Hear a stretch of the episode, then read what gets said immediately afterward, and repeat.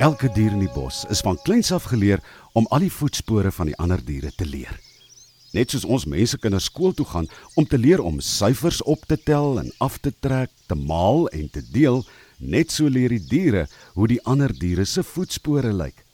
Dis baie belangrik dat hulle weet, want dan kan 'n bokkie weet as daar 'n luiperdspoor is en dan weet hy hy moet maak dat hy wegkom anders word hy mos gevang. Nou een oggend staan Isie Uistervark vroeg op. Sy moet gaan kos wegbring vir haar siek oupa wat diep in die bos gebly het. Dit is ver na haar siek oupa toe en sy het geweet as sy teen son onder terug wil wees by haar huis, dan sal sy moet wikkel. Net toe die sonnetjie sy kop uitsteek, neem Isie Uistervark die mandjie met kos en begin stap. Sy stap en sy stap en toe die sonnetjie so amper halfpad in die lug sit, het sy al ver gestap. Sy's lekker moeg want die pad na haar oupa toe is ver. Sy gaan sit vir 'n oomblik in rus teen 'n groot wilgeboom wat langs 'n waterstroompie staan. Net toe sy lekker gaan sit en vir haar stukkie padkos uit haar mandjie haal, hoor sy 'n vreemde stem met haar praat. "Isie, Isie, moenie skrik nie." Isie kyk rond, maar sien niks. Weer hoor sy die vreemde stem. "Isie, Isie, moenie skrik nie. Dis ek wat met jou praat." Isie spring op en begin rondkyk. En toe sien sy wie so met haar praat. Dis die wilgeboom. "En my aarde wilgeboom, hoe laat jy my skrik?" sê Isie.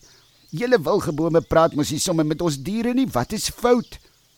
"Kyk om jou rond," sê die wilgeboom. "Kyk, hier is vreemde voetspore. Ek weet nie waar dit vandaan kom en wiesen dit is nie." Isie kyk dadelik op die grond. En jou waarlik waar, daar onder die wilgeboom lê die vreemdste voetspore wat sy nog ooit gesien het. "En nou wie se voetspore kan dit wees?" vra Isie. "Ek weet nie," sê die wilgeboom. "Toe die sonnetjie vanoggend opkom, het ek dit ook gesien. Jy moet versigtig wees, Isie. Dit kan 'n vreemde dier wees." "Ag nee, wilgeboom, dit is nie 'n dier se voetspore nie. Ek het as kind geleer hoe al die diere se voetspore lyk en hierdie is nie 'n dier se voetspore nie. Wag, ek kan gou 'n bietjie rondkyk waar dit vandaan kom. Dan kan ek sien aan wie die spore behoort. "Wees net versigtig, Isie," sê Wilgeboom. "Ek sal versigtig wees. Dankie dat jy dit vir my gewys het," sê Isie. En daar begin sy al op die vreemde voetspore verder stap. Isie stap en stap. En hoe verder sy stap, hoe vreemder raak die voetspore. Sy kan sien dat die een aan wie die voetspore behoort, hier en daar trap en dan lyk dit weer asof die voetspore sleep. Sy het nie ver gestap nie. Toe sien sy daar is bloed by die voetspore. En net toe sy naby 'n klompie rotse kom, gaan staan sy.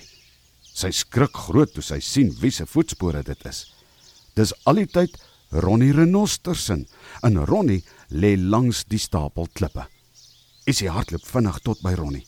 "Ronnie, Ronnie," roep sy van verbasing. "Wat het met jou gebeur?" Ronnie is baie moeg en Isie kan sien dat die bloed van Ronnie se gesig afkom.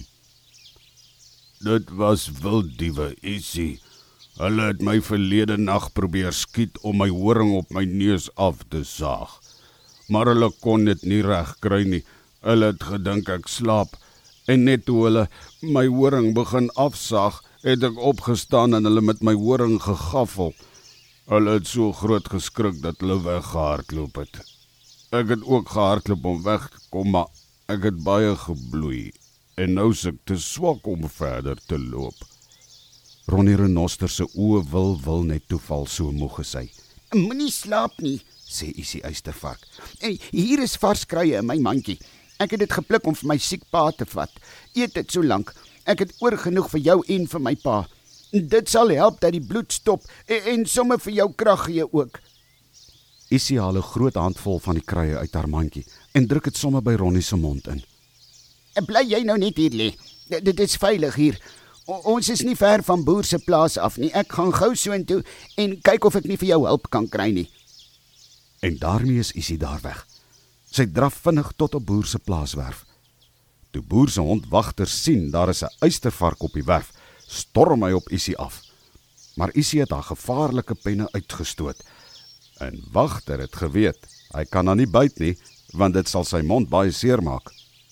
Net toe wagter naby haar is, sien hy, dit is Isie Eystervark. My aarde Isie, wat bring jou hier? Jy loop mos nooit so ver nie. Isie begin dadelik vertel. Luister gou, wagter. Hier is groot moeilikheid. Jy moet help. Ronnie Renoster het baie seer gekry. Die wilddiewe wou hom doodmaak om sy horing af te saag. Hy het baie gebloei en as ons nie gou maak nie, gaan hy doodgaan. Wildiewe, sê wagter. ek wou mos sê ek het verlede nag skote gehoor. Dis reg, Isie, moenie bekommerd wees nie. Ek weet net wat om te doen. Dankie, wagter. Ek kan ongelukkig nie langer bly nie, want ek moet by my siek pa uitkom. Sal jy vir Ronnie kan opspoor? O ja, daar's niks so skerp soos my neus nie. Ek sal net in die lug ruik en weet ek hoe om by Ronnie uit te kom. Ek ken Ronnie se reuk. Maar nou moet ek eers vir boer gaan soek. Ek dink hy en sy seun is hier weg na die skape toe wat in die weiland wei. En nou maar goed, sê Isie. Baie dankie. Ek hoop julle kan vinnig by Ronnie uitkom. En daar stap Isie Eystervark verder om by haar siek pa uit te kom.